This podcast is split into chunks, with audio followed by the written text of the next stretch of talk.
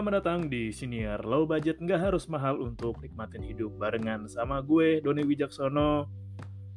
Gue mau ngebahas hal yang lagi rame banyak banget nih. Tapi gue nemunya di Facebook di fanpage-nya Lidah Pahit. Ini di post 6 hari yang lalu. Berarti tanggal 23 karena gue bikin ini tanggal 29. Udah lagi rame nih kayak perbandingan mode tunangan sama keluarga pelit dan mode tunangan sama keluarga royal. Jadi kalau dilihat sih yang di fanpage-nya nih 376 komen dan 926 share. Wow, lo kalau ngeliat replaynya sih ada penjelasannya sih.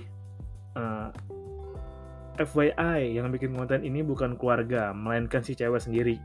Dia membandingkan dulu dilamar mantannya dengan pelit dengan suaminya yang sekarang pas melamarnya mewah-mewahan. Ceweknya bilang, mantannya emang pelit karena punya toko material tapi seserahan gitu doang. Nah, kalau lo scroll lagi ke bawah nih, hmm, udah ada video klarifikasinya. Sebentar, sebentar, sebentar, video klarifikasinya. Tapi komen-komennya juga, ya ada yang curhat sih, ada yang ya ngasih-ngasih wejangan, ada yang ngebagiin cerita, ada yang turut berduka bang, terus ada yang wah ceweknya A B C D E A B C D E. Nah, tapi coba kita lihat. Tadi sih gue udah lihat ada video klarifikasinya dari si cewek. Sebentar sebentar sebentar. Nggak mau nih klik nih. Mau relevan. Kan kalau lo Facebook kan tampilannya beda tuh. Author lo mesti lihat replaynya dulu. Dan ini kenapa nggak mau nih? Tahu kali ya kalau mau gue jadiin konten ya? Nah oke. Okay. I'll komen nah Sebentar, uh, ada yang reply nih ya. Mungkin mantannya lebih mikirin ke modal buat usaha dan uang tabungan buat emergensi.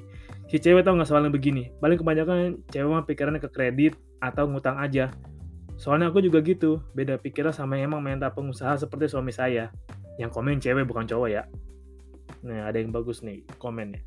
Pentingnya komunikasi. Dari awal harus ada kesepakatan. Pengennya nikah kayak apa. Lu mampunya kayak apa. Diskusiin. Jangan diem-diem baik orang mau hidup bareng seumur hidup kok nggak didiskusikan? Komunikasi penting. Nah ini nih. Udah ada klarifikasinya dari akun Sofimu underscore. Jadi kesimpulannya mantan tunangan yang pertama itu orangnya mampu tapi pas ngelamar apa adanya? Di sini ada dua pendapat. Antara si cewek sudah kena racun budaya dan cover jadi apa apa harus sesuai dengan takaran yang dimiliki keluarga si cowok. Atau emang si cowok memang pelit. Alas dia hanya menikmati uangnya untuk kebutuhan pribadi dan keluarga hidup hedon tapi untuk menikahannya pelit Bijaklah wahai netizen. Oke. Hmm, kalau menurut gue sebagai orang yang low budget yang ya emang gak harus mahal untuk menikmati hidup, tapi untuk menikmati hidup juga perlu biaya.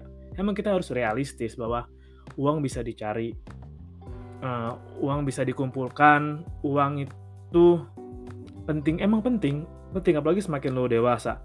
Karena emang ada aja dana-dana darurat dan dana-dana yang nggak lo ekspektasiin ada tapi emang itu diperluin. Dan apalagi untuk berumah tangga. Dan jangan jangankan untuk berumah tangga dulu deh untuk kebutuhan rumah sendiri. Pasti ada perintilan yang kecil-kecil kayak di rumah tuh kayak ada kalanya keran bocor. Itu yang paling kecilnya paling kecil. Kayak keran bocor terus air galon habis gas tiba-tiba habis atau telur habis dan tiba-tiba kayak apa tuh yang transparan tuh yang buat pagar? Fiber ya? Fiber fiber tiba-tiba apa namanya cowak kunci rumah tiba-tiba patah. Atau kunci gembok tiba-tiba ngilang. Terus kayak hmm, tiba-tiba ya sepele kayak gagang sapu patah lah, pengki hilang lah, tong sampah yang plastik pecah lah. Itu hal sepele banget dan tapi bukan hal yang bisa lo biarin walaupun sepele dan kecil. Nah, itulah makanya kalau dari gue, gue emang kalau menurut gue penting sih untuk bukannya mendukung tapi emang kalau emang mau bermewah-mewah kalau mau tampilan yang wah ini baru melamar loh ya itu malah emang gue anjurin iya emang harus kayak gitu. Kenapa? Gue ambil sudut pandang kalau gue punya anak cewek dan mau dilamar. Oke ini sudut pandang gue ya. Oke. Ntar ini adalah sudut pandang gue kenapa gue setuju untuk kelihatan lah kelihatan punya atau kelihatan ada ketika saat dilamar dibanding apa adanya. Apa adanya dengan mengusahakan untuk ada itu dua hal yang beda.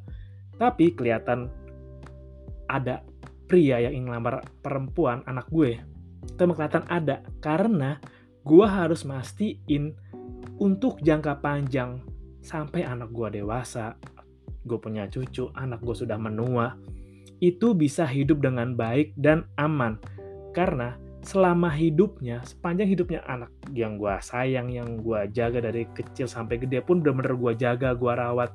Dan kini tanggung jawabnya tanggung jawabnya harus pindah dan yang pindah ke orang lain ke pria lain. Jadi gue harus mastiin bahwa anak gue aman nih kalau gue titipin sama dia. Gue minta dia untuk jaga untuk disayang untuk dirawat.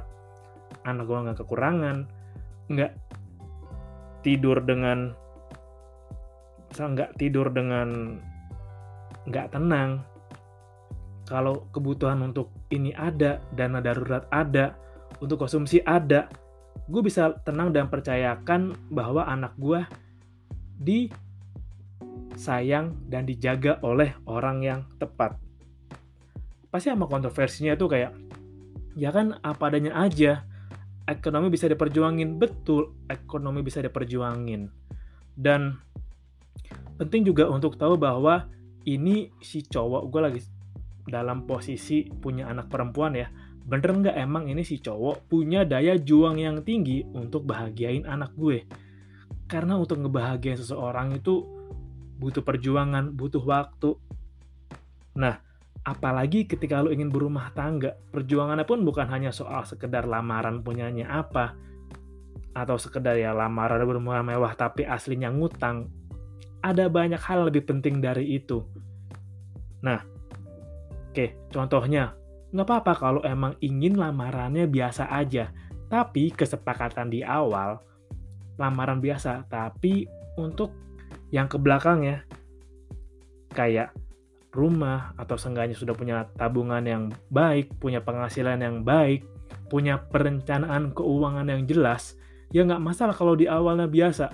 Yang jadi masalah kalau sudah bermewah-mewah, sudah bertam, wow kelihatannya, wow kelihatannya mewah, rame, tapi hasil dari hutang, hasil dari pinjam ke rentenir, pinjam ke pay letter, aduh, jangan deh. Karena emang ketika lo udah memutuskan dengan hubungan dengan seseorang, ya ada tuh modelnya yang baru kelihatan sifat aslinya ketika udah berumah tangga. Nah itu ya makanya kalau mengenal pasangan itu emang perlu waktu, perlu proses. Ya bener sih kayak minimal setahun atau dua tahun lah butuh pengenalan. Karena kan emang ketika lo baru, ini secara psikologis ya, orang itu baru menunjukin sifat aslinya ketika sudah menjalani hubungan dua tahun. Ya minimal dua tahun baru setelah itu baru sifat aslinya keluar dan setelah lewat dua tahun itulah pinter-pinter kita bernegosiasi. Pinter-pinternya kita berkompromi lah sama sifatnya dia kekurangannya dia. Apalagi emang orang yang lo menjalin hubungan dengan orang yang berusaha memaksain untuk ada. Padahal itu bukan prioritas. Mungkin mungkin ya orang yang ngelamar biasa-biasa aja tapi di belakangnya itu emang dia udah siapin matang karena emang nggak pingin terlihat wah. Karena lu tau lah kayak pas ada ya mungkin emang di media sosial lu kelihatan keren kalau lu punya ya bisa mengadakan nikahan yang bagus yang mewah yang wah instagramable yang fotonya keren banget estetik banget. Tapi kan kehidupan baru dimulai setelah itu.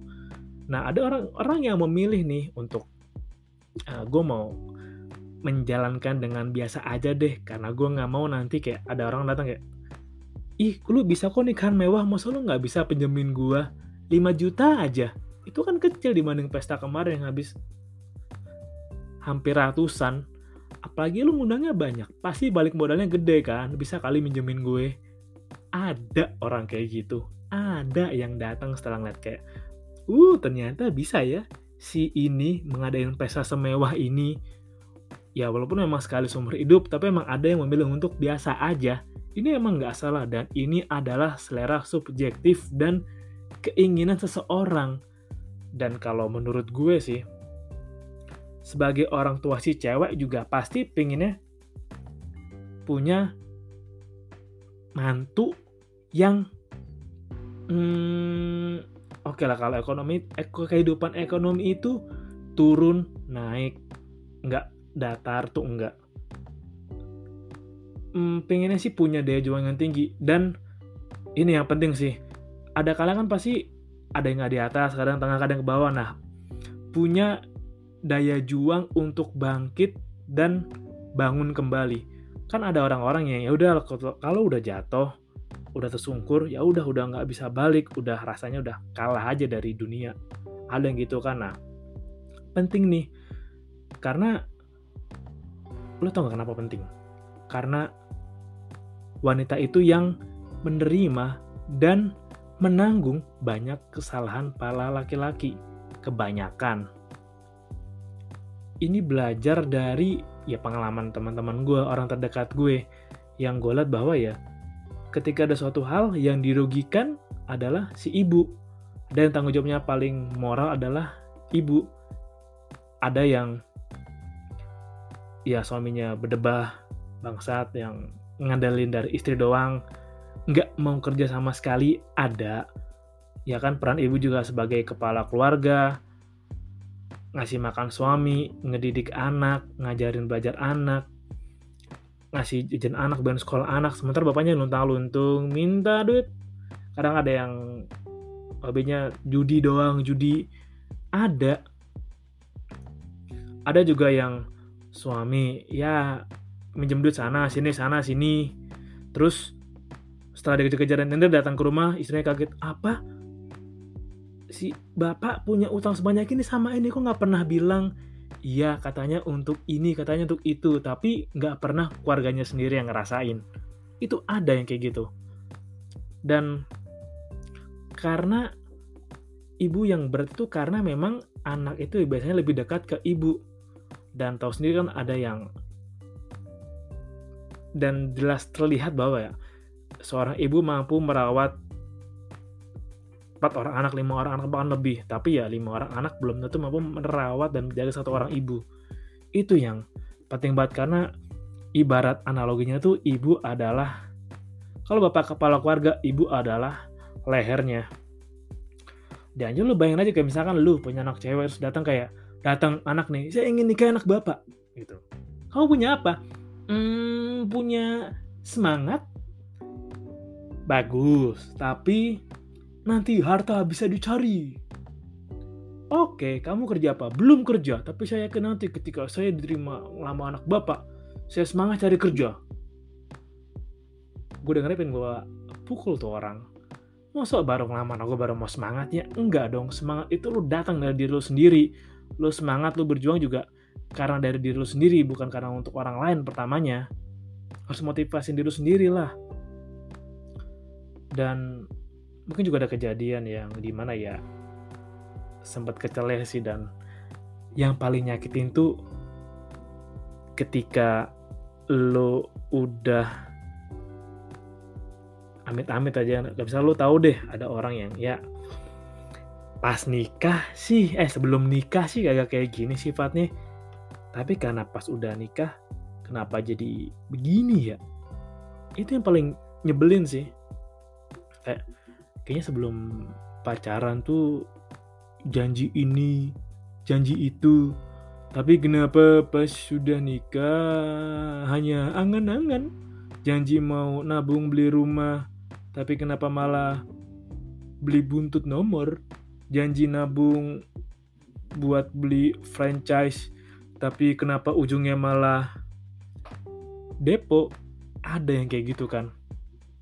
Dan ini sebenarnya soal hal subjektif dan soal masa depan juga. Jadi kalau emang kalau dari gue, gue pengennya emang perlu yang perlu hal yang lebih selektif atau takaran yang selektif ketika ingin atau seorang ya wanita menerima lamaran dari pasangan atau pinangan dari pasangannya. Dan kalau masalah harus mewah atau enggak, itu emang kembali ke subjektif. Ada yang pengennya biasa aja tapi sudah siap di belakang, ada yang memang sudah siap dan ingin menunjukin gede-gede dan gue jadi ingetnya gue udah cerita dari teman dekat gue jadi emang menurut gue emang ada orang yang mewah-mewahan itu yang yang wow lamaran mewah si cowok datang gitu kan banyak bawa barang seseorang untuk ceweknya. Karena ini ngasih tahu aku dari keluarga si cowok anakku ini serius sama kamu loh dan kita keluarga juga ngedukung kalau kamu serius sama dia atau kalau kamu ingin serius sama dia. Itu hal yang baik dan menarik. Karena ya hubungan lo didukung sama keluarga dan keluarga menunjukkan bukti keseriusannya dengan bahwa ini loh kita sudah mampu, anakku sudah mampu, kita udah punya dan mohon terima anak kami gitu. Kan emang ada yang kayak gitu ada kayak ada juga emang orang tua yang ya udahlah sini kita bantu. Karena emang lu nggak bisa nyalain orang tua yang ingin ngebahagiain anaknya dengan nunjukin bahwa anaknya itu punya dan keluarga dari anaknya atau si cowok atau si cewek ini pun mampu. Lu nggak bisa karena itu adalah ranah privat yang lu nggak boleh terlalu banyak masuk. Karena banyak hal penting deh yang harusnya lu urusin daripada lu mengomentari hal yang lu nggak tahu informasi aslinya atau informasi yang penuh. Karena yang lu lihat di TikTok awalnya kan emang informasi yang sepotong kan yang lihat dia kebandingin ya gue nggak tahu sih mungkin kalau mukanya disensor oke okay, tapi kalau mukanya nggak disensor ya nyebelin aja sih. Kayak misalkan uh, bandingin kayak lamaran keluarga yang biasa-biasa aja ya udah bareng-bareng aja nggak usah mukanya diliatin. Terus kalau yang yang mewahnya gini-gini juga dan emang sih sebenarnya itu bukan untuk konsumsi publik itu hanya pribadi aja. Tapi emang ada orang ya mungkin dia merasa senang dengan ngepost itu di media sosial mungkin tadinya ingin berbagi kebahagiaan dan ingin nunjukin bahwa ya aku senang loh udah punya ini dan siapa tahu dia nunjukin karena emang dulu pernah punya pengalaman yang traumatis. Kayak gue dulu pernah kok dicelain sama cowok. Cuma netnya ngelamar cuma modal nekat cuma modal niat modal pengen usaha doang. Beda dengan yang sekarang aku bersyukur menikmatinya bisa dapat yang kayak sekarang. Mungkin kayak gitu. Mungkin aja kan jadi coba untuk berbaik sangka dulu sebelum memutuskan karena emang kita nggak tahu apa yang terjadi di belakang dan masih banyak hal lain yang bisa lu sorotin dan lebih lu lebih pantau seperti naiknya harga telur misalkan. Naiknya harga telur atau apa lagi? Minyak goreng yang harganya belum turun atau BBM yang sebentar lagi bakal naik itu mesti lu sorotin dibanding hal yang kayak gitu. Itu sih mau gue share terima kasih udah dengerin dan salam low budget. Nggak harus mahal untuk nikmatin hidup